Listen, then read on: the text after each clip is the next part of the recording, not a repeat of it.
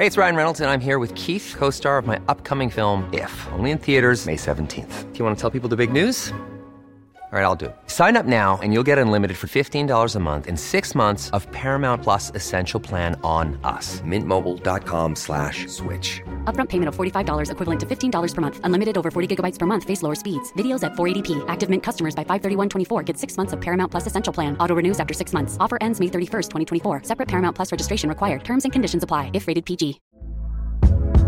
Hey there, it's Michelle Norris. I'm host of a podcast called Your Mama's Kitchen. When I travel, I'm usually looking for a way to find a taste of home when I'm not at home. And one of the things I love to do when I am at home is entertain. And Airbnb allows me to do that. When I was in California recently, I rented a house that had a great kitchen. And when we were sitting around the table, we're all thinking, we're in someone else's house. Someone could be in all of our homes as well.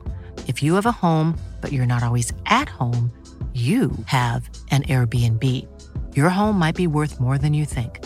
Find out how much at airbnb.com/slash host. Burrow is a furniture company known for timeless design and thoughtful construction and free shipping, and that extends to their outdoor collection. Their outdoor furniture is built to withstand the elements, featuring rust-proof stainless steel hardware, weather-ready teak, and quick-dry foam cushions. For Memorial Day, get 15% off your Burrow purchase at burrow.com slash ACAST and up to 25% off outdoor. That's up to 25% off outdoor furniture at burrow.com slash ACAST.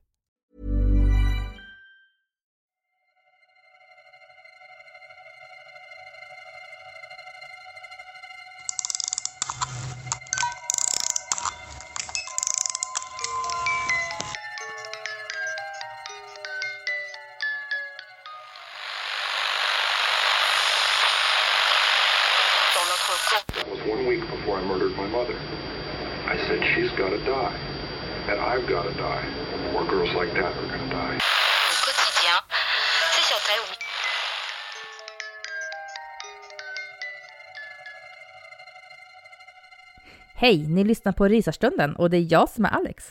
Och det är jag som är Linda. Och idag är det skärtorsdag. Det är det. Och, ja, och många kanske redan har fått gått på påsklov. Mm. Men inte vi här i norr. Nej, för vi har påsklov nästa vecka. I alla fall vi i Övik. Ja, så är det. Jag vet inte om det är hela Norrland. Eller om det, om det Nej, är det- som uppdelat halva Sverige. Ingen aning Inte jag heller. faktiskt. Men eh, så ser det ut hos oss i alla fall. Mm. Och vi har fått en eh, lång novell inskickad av en lyssnare. Ja, så pass lång så att vi faktiskt behöver dela upp den i två avsnitt. Precis. Och lyssnaren som har skrivit den här berättelsen, hon vill vara anonym. Och självklart ska det få vara det. Såklart. Men vi vill eh, passa på att skicka ett stort tack till dig. Och du vet ju vem du är såklart. Ja, verkligen. Tack. Så himla kul att eh, få in en sån här berättelse. Mm. Och ni andra där ute som sitter på berättelser eller sitter kanske har lite skrivarglöd i era fingrar. Ni får jättegärna skicka in era berättelser till oss. Ja, jättegärna. Så tacksamt. Ja. Och den här berättelsen, den har kanske ett litet annorlunda dilemma. Ja, det skulle man ju lugnt kunna säga. Och den är ju heller kanske inte så alltså, ryslig, utan den är snarare mer åt true crime-hållet. Ja, men precis. Och kanske inte från det perspektivet man är van att höra vid true crime. Nej, men vi hoppas ändå att ni kommer gilla den. Ja. Här kommer den.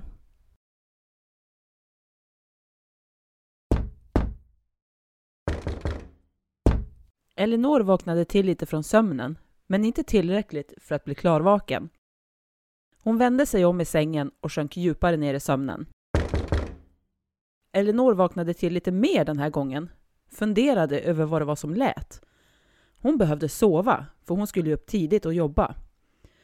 Så hon drog täcket om sig och fokuserade på att somna om. Hon trodde inte på spöken, så hon var inte rädd, utan hon var snarare irriterad över att något djur kanske hade tagit sig in i hyreshusets väggar och förde oväsen när det sprang runt. Men snart sov hon gott igen. Den här gången satte sig Elinor klarvaken upp i sängen. Knackningarna hade kommit från taket och det kunde bara betyda en sak. Hon själv hade snarkat så pass högt att grannen ovanför hade blivit störd och försökte därför uppfostra henne att låta mindre. Som om den idioten hade rätt att göra det. Han förde mycket mer väsen än alla de andra boendena i hyreshuset tillsammans. Dessutom, om han var så ljudkänslig, varför sov han inte med öronproppar? Eller bodde i en stuga ute i skogen? Eller under en sten? Hon övervägde starkt att kasta upp något föremål i taket, något som skulle skapa en rejäl duns. Men hon visste att det bara skulle provocera puckot. Men vad tillfredsställande det skulle vara. Istället tog hon på sig sina hörselkåpor och försökte somna om. Hon visste att puckot till granne antagligen skulle hämnas på något sätt imorgon, men hon orkade inte bry sig där och då. Hon behövde sova. Dagen efter vaknade Elinor med torra ögon, sandsmak i munnen och en bultande huvudvärk. Hur länge skulle hon behöva stå ut med sin idiot till granne? Fick hon inte sova en hel natt ostörd snart så var risken stor att hon skulle krascha rakt in i den berömda väggen. Och det med hög fart. Men vad kunde hon göra åt saken? Hon hade fler gånger än hon kunde räkna knackat eller bankat på hos grannen ovanför henne för att prata med honom och försöka lösa situationen på ett vänligt och moget sätt. Det kunde ju inte vara speciellt kul för honom att vara så extremt ljudkänslig. Men om han var det, varför bodde han då i ett hyreshus? Hon hade pratat med hyresvärden, men de hävdade att de inget kunde göra. Hon hade efter mycket, extremt mycket, velande polisanmält karn tre gånger. Och hon skrev upp allt som hände, men ingenting hjälpte. Han bodde kvar och störde sig allt mer på sina grannar. Hans hämndaktioner blev allt mer irriterande och det värsta hittills var när han hade dragit igång klassisk musik på hög nivå för att sedan åka hemifrån i flera timmar. Eleanor kände att hon behövde hitta en lösning och det snart. Det smidigaste, ja men det vore väl att flytta. Men eh, det kändes som att ge upp och det gillade hon inte. Dessutom trivdes hon i området för övrigt och hyran var, ja inte låg direkt, men eh, överkomlig. Medan hon segade sig igenom arbetsdagen på ren rutin, kvartsfart var allt hon orkade med, så insåg hon att hon var en general som låg i krig. Nu var det dags att överge försöken till fredlig förhandling, sluta försvara sig och gå till attack. Men hur? När hon några dagar senare fikade med en kompis som hette Mikaela och gnällde för vilken gång i ordningen visste de inte, så suckade de tillsammans. Ja, så jag tyvärr slut på idéer, men se till om du behöver ett alibi eller hjälp att begrava en kropp. Jag hjälper till, det vet du. De skrattade och gick vidare till att prata om trevligare ämnen. Läckra karar, bra serier på Netflix, det nya fiket på stan, servitören med den sexiga rumpan, true crime-poddar, blommor, gemensamma resor med mera. Men efter ett tag så bröt de upp. Alltså gud vad skönt att få ventilera lite. Och att få skratta, det behövde jag. Men förlåt för att jag gnäller så himla mycket. Ingen fara. Det är sånt man har vänner till. Och imorgon, alltså, då är jag ledig. Jag tänker nog dra till kolonilotten och köra ner händerna i jorden. Det är så avslappnande för mig. Bra idé. Och ta hand om dig. Och du får gnälla så mycket du vill. De gav varandra en varm kram och sen gick de åt varsitt håll.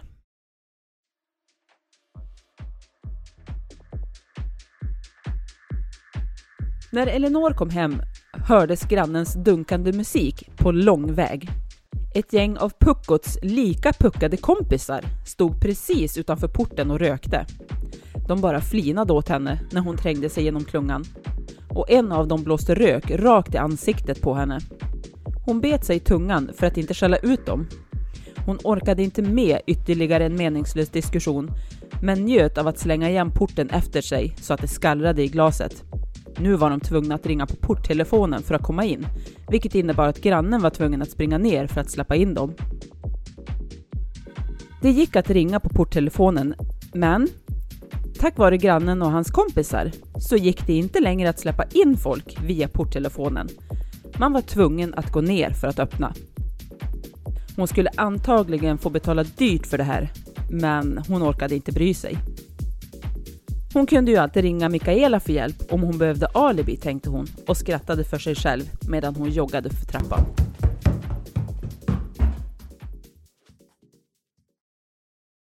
Dagen efter var det fint väder. Solen sken, men det var en hel del moln, så det var inte stekhett. Elinor smorde in sig med solkräm ändå. Hon visste av egen erfarenhet hur vidrigt det var att bränna sig i nacken för att hon glömt smörja in sig och sen fastnat med händerna i jorden eller liggandes på mage i gräset med en bra bok. Och där kunde hon bara skylla på sig själv. Så hon smorde noggrant in sig, tog på sig slitna sköna mjukiskläder och en bredbrättad hatt. Vid dörren stannade hon till. När hade hon varit vid kolonilotten senast?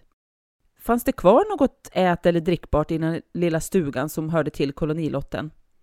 Eller, stuga var ett alltför fint ord.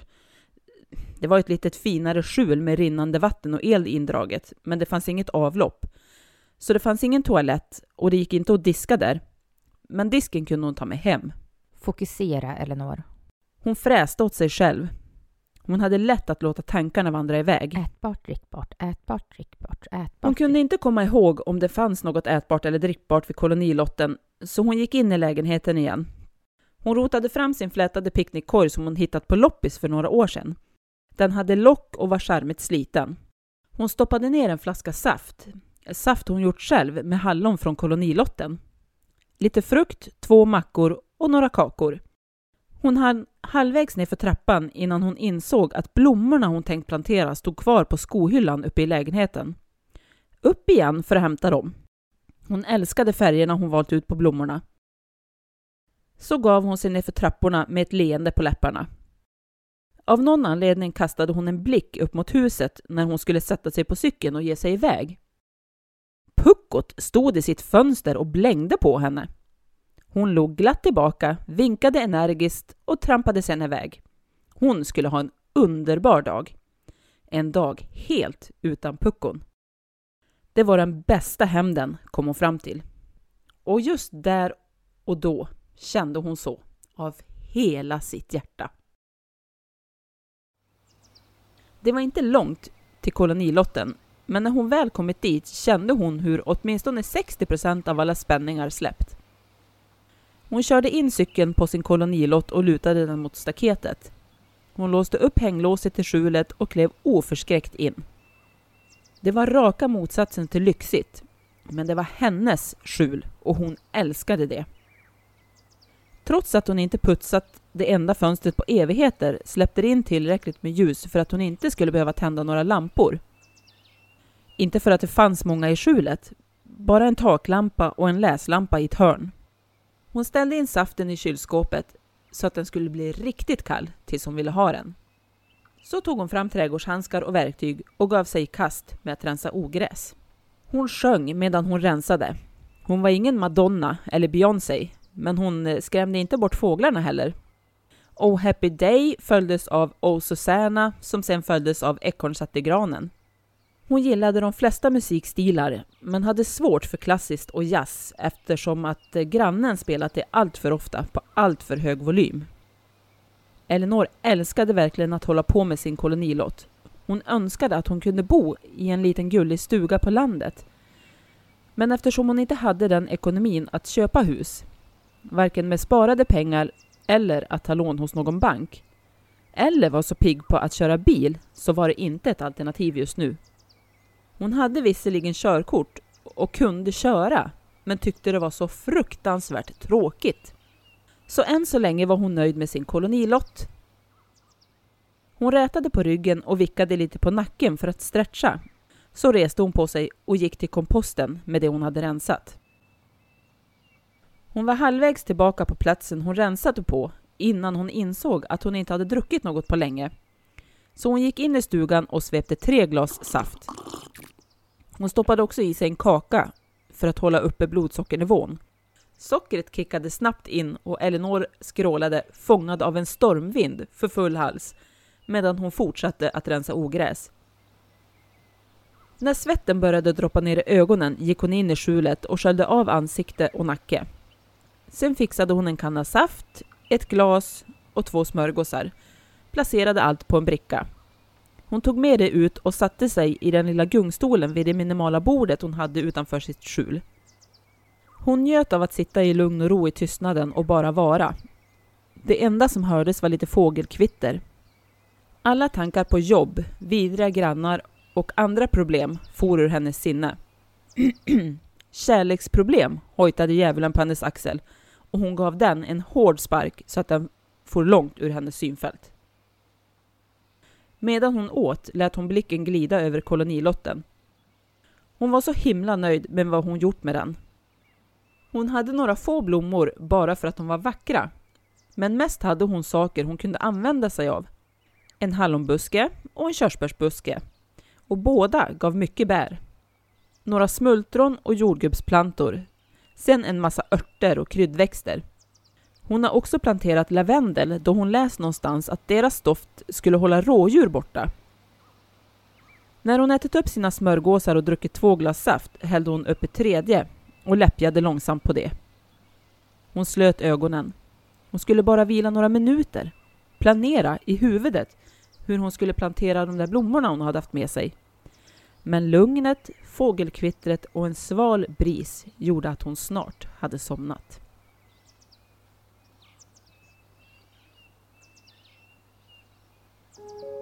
I drömmen, för hon var medveten om att hon drömde, gick hon runt i området med kolonilotter. Hon hade långt hår som var utsläppt och fladdrade lätt i brisen. Hon hade en lång, vid, vit klänning men var barfota. Hon småpratade med kolonilottsgrannarna medan hon gick runt. Så kom hon till sin egen kolonilott. Hon började gräva upp sina fina blommor och sina örter. La dem prydligt i den ordning hon hade grävt upp dem så att hon skulle kunna plantera dem igen. Hon struntade blankt i att hennes klänning blev smutsig. Så plötsligt grävde hon upp en hand. Hon slängde den i komposten, fullt synlig, men ingen brydde sig. Hon planterade sina blommor och örter igen. Hon reste sig upp och borstade av klänningen. Rabatten såg precis ut som tidigare och klänningen var återigen kritvit. Men handen låg kvar på komposten. Hon vaknade och satte sig med spikrak rygg. Hon visste med ens vad hon behövde göra för att få sinnesfrid. Hon planterade de blommor hon hade haft med sig på de platser hon hade tänkt sig dem. Sedan packade hon ihop sina saker och cyklade hem igen.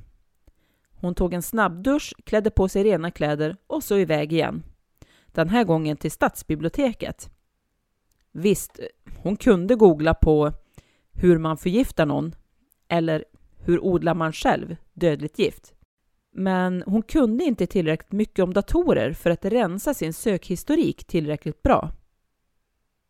Och visst, vittnen skulle säkert kunna peka ut att hon varit på biblioteket den där dagen. Men hon tänkte inte låna några böcker och inte be om någon hjälp. Hon tänkte läsa på biblioteket och bara skriva ner det viktigaste. Sedan kunde hon bränna de anteckningarna. Antingen på kolonilotten eller hos Mikaela som hade braskamin. Men vem skulle egentligen lägga märke till henne? Elinor skrattade till där hon satt på cykeln. Hon planerade mord. Vem försökte hon lura? Hon som fick dåligt samvete när hon råkade cykla över en snigel. Hon skulle aldrig kunna mörda någon med berått mod. Men det var lite spännande att tänka på det. Och hon kunde ju alltid göra research, utifall att. När Elinor parkerat och låst cykeln det brukade sällan hända något med fordonen utanför biblioteket, men hon låste av gammal vana. Så strosade hon lugnt in på biblioteket. Hon försökte se helt normal ut. Hon hade inte ett bekymmer i världen. Hon gick runt lite planlöst mellan raderna av hyllor. Hon visste inte riktigt vad hon letade efter. Hon tuggade på underläppen medan hon funderade. Om hon nu skulle döda någon, och det var ett väldigt stort om, hur skulle hon då gå tillväga? Hon ville inte använda någon form av vapen. Det skulle bli alldeles för blodigt och närgånget och riskerade att låta alldeles för mycket och sen massor att ta hand om efteråt. Hon hade lyssnat tillräckligt mycket på true crime-poddar för att veta att själva mordet i sig sällan var det svåraste. Det var efterspelet som avslöjade många mördare.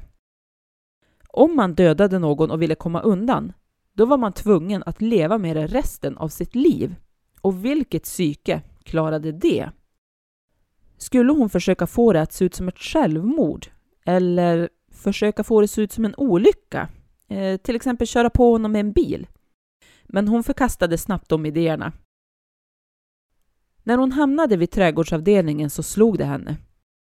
Varför inte använda sig av sin kolonilott när hon hade chansen?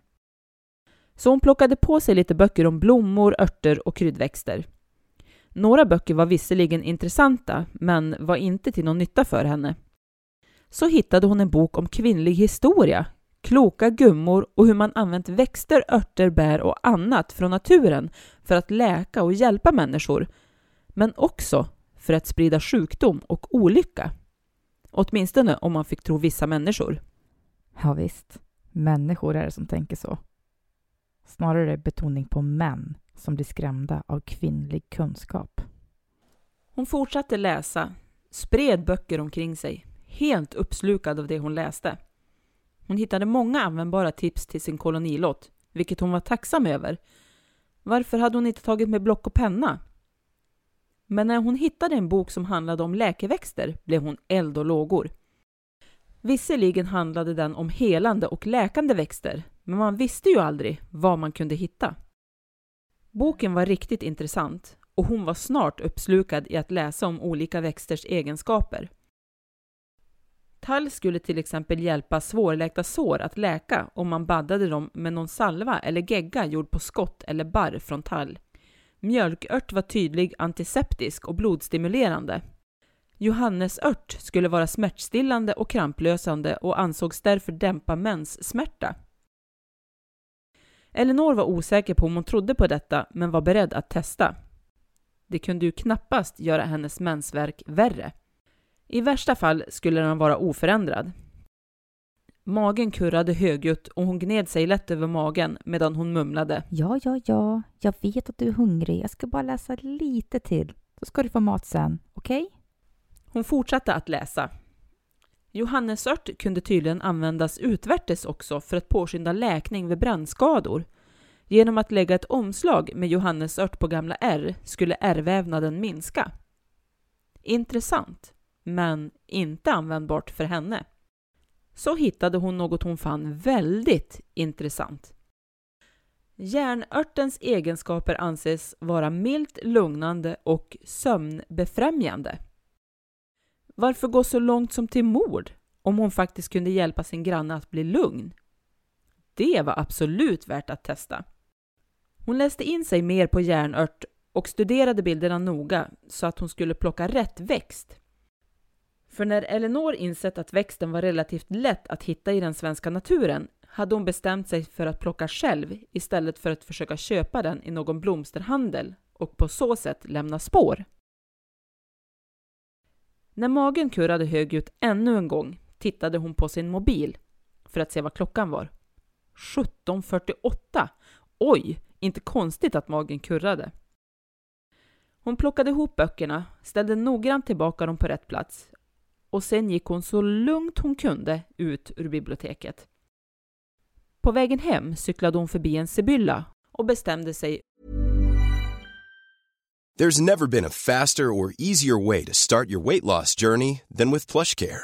PlushCare accepts most insurance plans and gives you online access to board-certified physicians who can prescribe FDA-approved weight loss medications like Wigovi and Zepbound for those who qualify.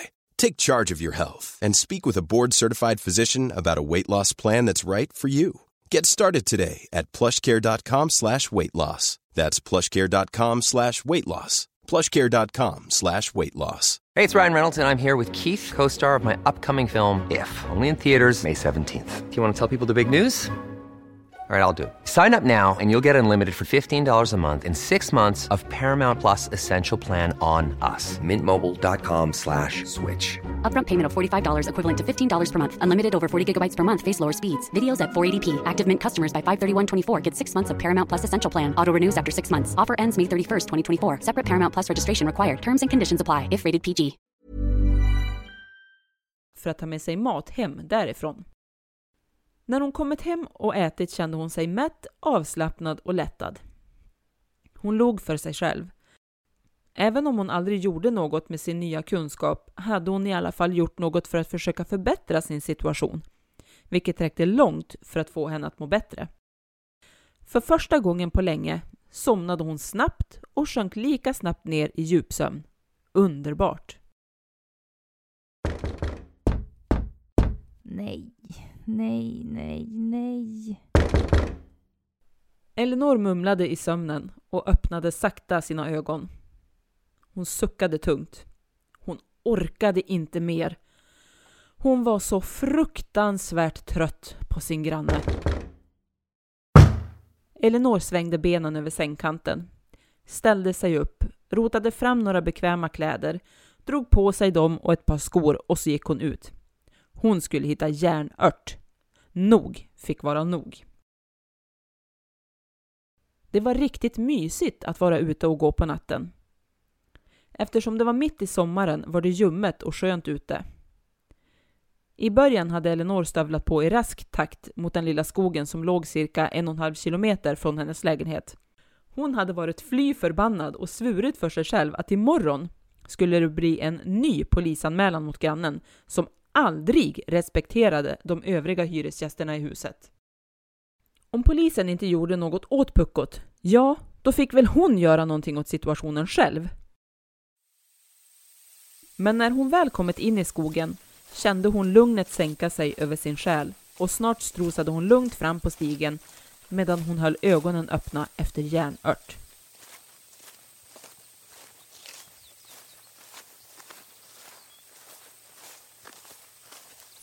Efter ett tag hittade hon en hel del järnört och plockade med sig så mycket hon kunde bära.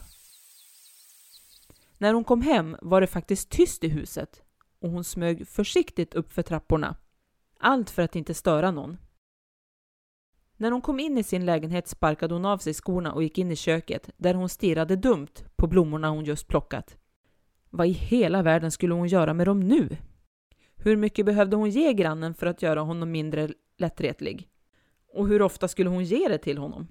Hon plockade av blommor och blad från skälkarna medan hon funderade. Det kanske gick att torka dem för att sedan krossa dem och blanda ner det i te. För hon visste att galningen ovanför henne drack te. Värt att testa, tänkte hon. Hon sköljde noga blommor och blad och sen la hon dem på en plåt med bakplåtspapper. Så in i ugnen på väldigt låg värme. Så gick hon och la sig och somnade med ett leende på läpparna.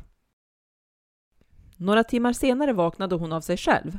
Klockan var då 7.23 och hon kände sig hyfsat utvilad. Så himla skönt. En relativt stark men behaglig doft vilade i lägenheten. Visst ja, järnörten! Hon gick ut i köket, stängde av ugnen och tog ut plåten.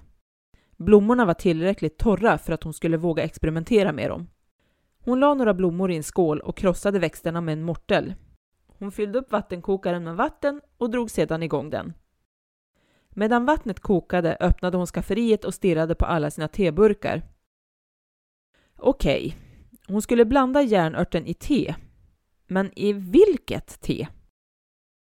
Hon stoppade en av de torkade växterna i munnen, tuggade lite på den och sög lite på den.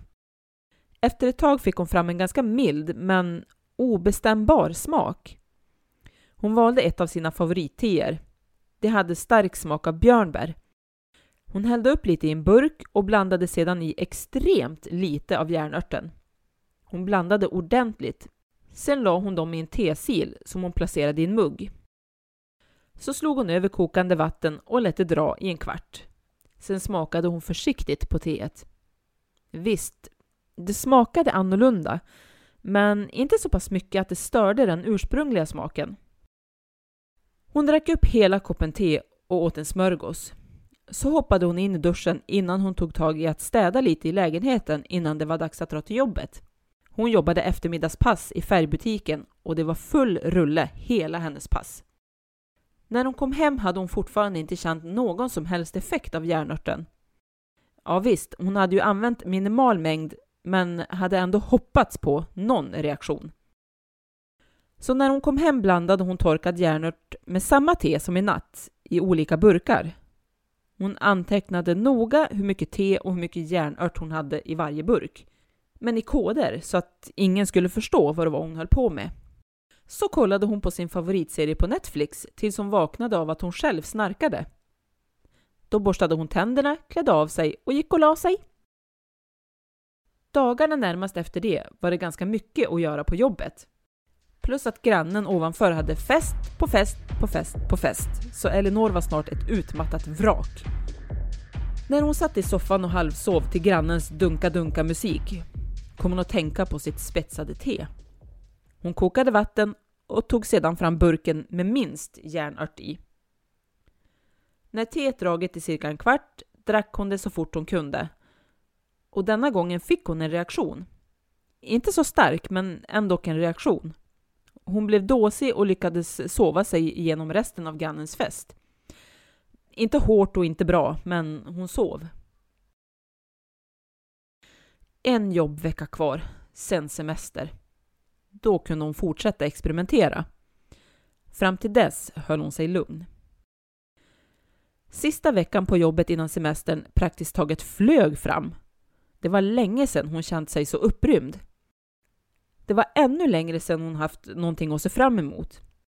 Hon hade övergett tanken på att mörda idioten.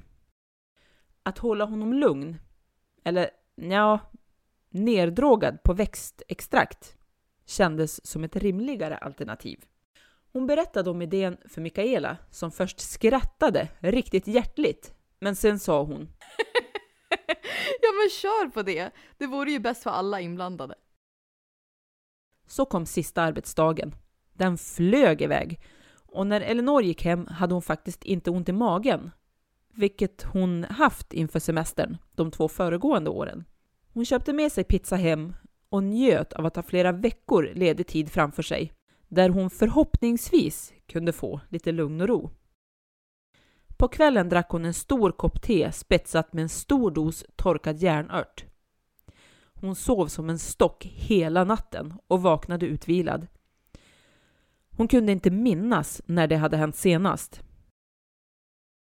Då hon var kortare och vägde något mindre än sin puckade granne bestämde hon sig för att den dos hon själv tagit föregående kväll var den dos hon skulle börja ge sin granne.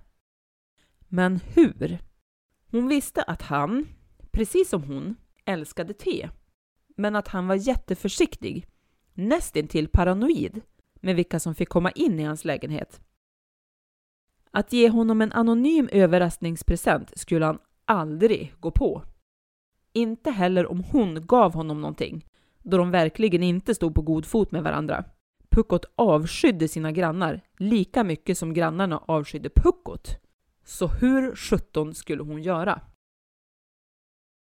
Hon spenderade mycket tid på sin kolonilott där hon kunde låta tankarna vandra medan händerna jobbade. Hon umgicks med vänner, badade, spelade minigolf och gick långa promenader. Så en dag när hon var på väg ut med soporna så insåg hon vilken himla tur hon hade. Grannen stormade nerför trappan med en väldig fart och märkte inte att hans lägenhetsdörr inte slog igen. Det var ett väldigt tydligt ljud. Det gick inte att ta miste på. Men han måste haft för bråttom för att inte märka att ljudet uteblev. Eleanor skyndade sig ner och slängde sina sopor, sen snabbt upp igen.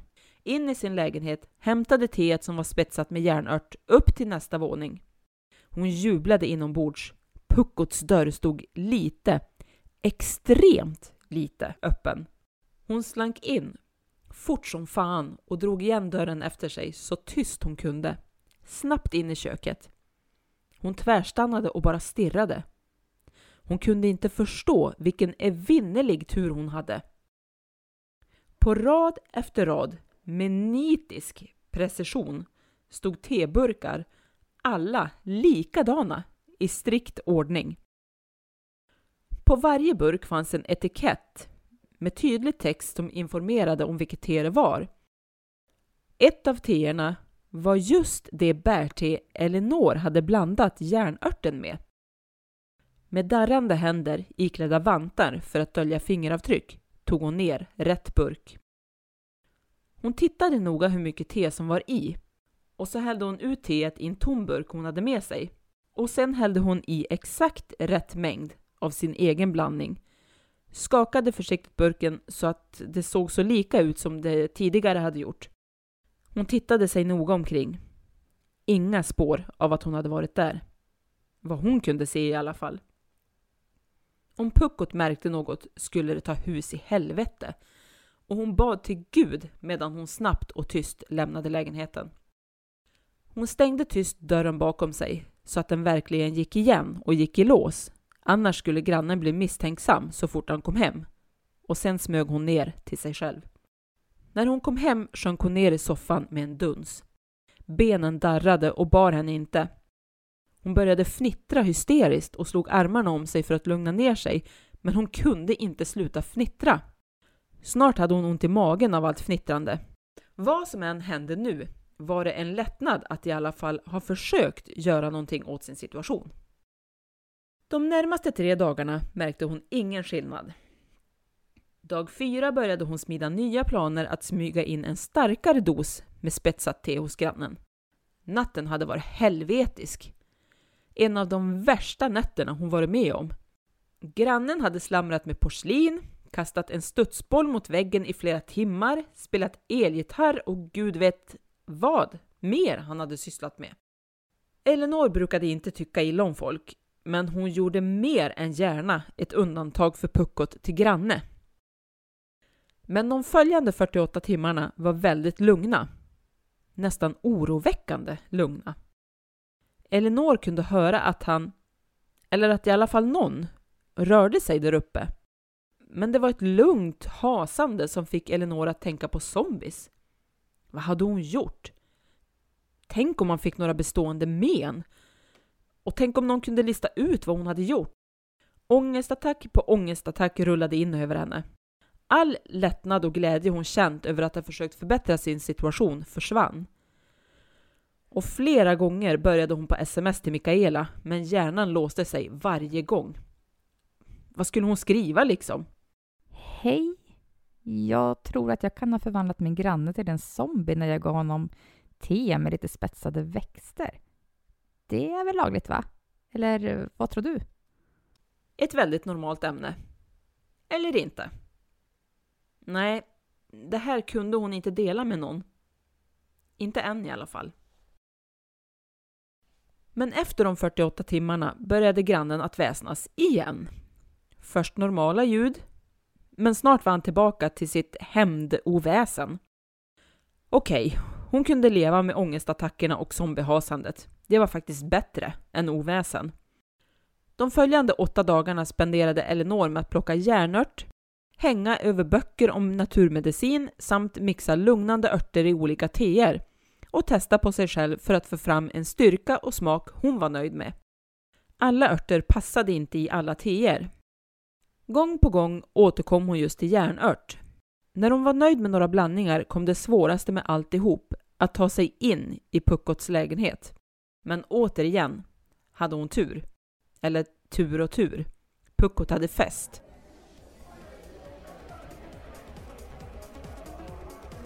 Mängder av folk kom och gick, väsnades, rökte, slängde tomburkar i trapphuset.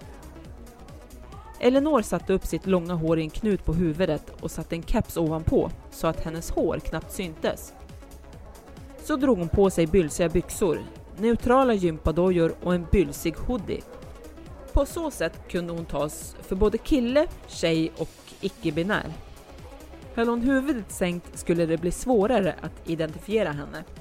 När hon stod i sin hall var pulsen skyhög och det enda hon hörde var sina egna hjärtslag dunka i öronen. Och hon var säker på att hon skulle svimma vilken sekund som helst. Du klarar det här, Eleanor. Vem vet när du får en chans nästa gång? Du klarar det här. Du är bäst Elinor. Det vet du. Du är grym, oslagbar, amazing. Kom igen! Innan hon hann ångra sig öppnade hon dörren och smet ut. En grupp ungdomar hade precis gått förbi hennes lägenhet och börjat gå upp för trappan så hon hakade på gruppen men höll sig i bakgrunden. När hon kom in i grannens lägenhet högg hon tag i en halvfull ölburk och låtsades dricka. Med nedböjt huvud och ölburken i handen släntrade hon in i köket. Hon plockade lugnt med teburkarna. Åtminstone så hoppades hon att hon var lugn. Och när ingen märkte något stoppade hon ner en burk i Hoodins stora ficka. Tur att burkarna inte var enorma. Tre till åkte ner i fickan. Hon hade redan innan bestämt sig för vilka tesmaker hon skulle hålla utkik efter så att hon inte skulle få beslutsångest på plats. Hon tvingade sig att stå kvar några minuter till och kolla på teet som om det var det mest intressanta i hela världen. Hon låtsades dricka lite öl emellanåt. Ingen brydde sig om henne, tack och lov. Så släntrade hon tillbaka hem. Snabbt in i lägenheten när ingen såg. Hon andades ut, fnittrade till, men la genast band på sig. Hon var långt ifrån färdig. Hon var extremt noga med att mängd och färg i varje teburk skulle vara exakt samma som tidigare. Så när det var tyst utanför hennes lägenhet smet hon ut i trapphuset igen. Så upp till kräkets lägenhet. Återigen ställde hon sig och plockade med teburkarna. Det var andra personer i köket denna gång, så hon hoppades att ingen skulle känna igen henne. När tre burkar var på plats kände hon en hand som smekte henne över rumpan och hon stelnade till. Men tjenare Stumpan. Läcker rumpa du har. Elinor ville kräkas, ville slå bort killens hand, ville skrika åt äcklet att ingen hade rätt att tafsa på någon annan. Samtidigt vill hon absolut inte dra uppmärksamhet till sig. Med huvudet sänkt och låg röst muttrade hon. Jag är väl medveten om det ditt äckel. Det ligger långt över din nivå. Så njut medan du kan. För det är allt du kommer få. Killen ryckte till, drog åt sig handen och flyttade på sig. De som stod närmast skrattade rått och hånade killen som hade tafsat på henne. I några sekunder var hon livrädd att det skulle trigga honom så att han skulle göra något ännu värre. Men han svor en lång ramsa och sen drog han därifrån. De andra tappade snabbt intresset för henne. Hon försökte slappna av, låtsades dricka lite öl. När det kändes tillräckligt lugnt fumlade hon fram den sista teburken, ställde den på rätt plats och gick sedan så snabbt hon kunde därifrån. När hon lyckats ta sig in i sin egen lägenhet slet hon av sig alla kläderna och slängde allt utom skorna. Hon kände sig så fruktansvärt smutsig. Både av att bli tafsad på och av att spetsa grannens te. Hon dubbelkollade och trippelkollade att lägenhetens alla lås var låsta och att säkerhetskedjan var på. Sen duschade hon varmt i över 20 minuter och skrubbade sig ordentligt. Sen kände hon sig, ren var fel ord, men tillräckligt inte smutsig för att stå ut med sig själv. Hon tog på sig pyjamas, kokade en stor kanna te, kröp upp i soffan med en tunn filt omkring sig. Hon kände sig frusen, trots sommarvärmen. Efter fem koppar starkt spetsat te somnade hon på soffan. Hon sov hårt och drömlöst i över åtta timmar. När hon vaknade kände hon sig bakfull. Ögonen var torra och det smakade sand i munnen. Trots mängden te hon hällt i sig kvällen innan var hon inte det minsta kissnödig. Hon släpade sig ut i köket och hällde i sig tre glas vatten. Hon löste upp lite vätskeersättning i ett glas vatten och hällde sedan girigt i sig det. Hon rullade det kalla glaset över pannan. Hon slöt ögonen, tvingade ner axlarna. Hon hade klarat sig igår. Det var lugnt och tyst i lägenheten ovanför. Oftast brukade han vara lättretlig efter han hade haft fest. Trots att han var den som hade fört väsen halva natten med sitt festande och drivit alla grannar till vansinne så blev han själv skogstokig om någon så mycket som pep dagen efter hans fester. Då väsnades han dubbelt eller trippelt så mycket som straff. Men denna dagen var det tyst och lugnt. Så fruktansvärt skönt. Elinor gjorde i ordning en stor smoothie, en stor skål med fruktsallad samt två smörgåsar och körde igång med ett Netflix-maraton, senaste säsongen av Umbrella Academy. Efter några timmars lugn och ro kryddat med ljuvlig tystnad började Elinor bli orolig. Tänk om han på fyllan druckit väldigt mycket av det spetsade teet och hade fått en snedtändning, vilket lett till att han gjort något väldigt dumt. Eller tänk om han var död?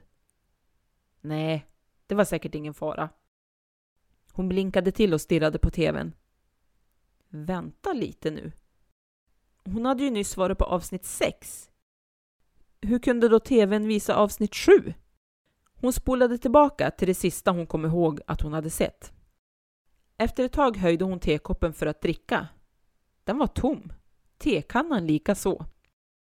Hon reste sig ur soffan, gick ut i köket för att koka nytt vatten. Snabbt tillbaka till tvn igen när hon insåg att hon glömt att pausa Netflix.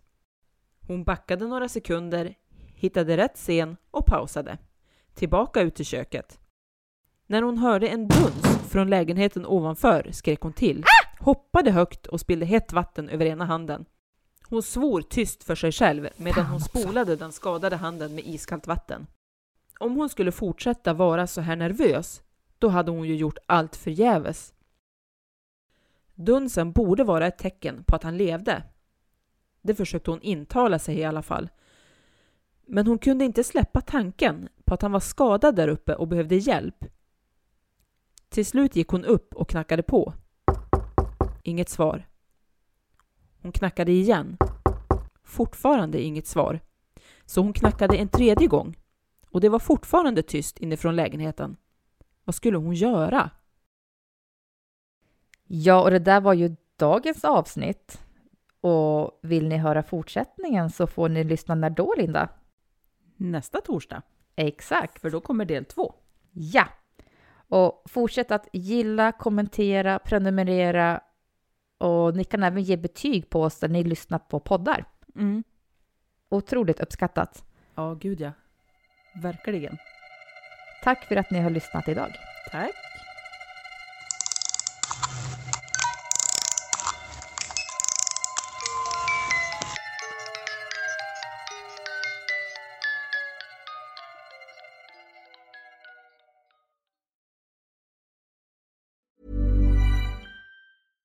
Even when we're on a budget, we still deserve nice things.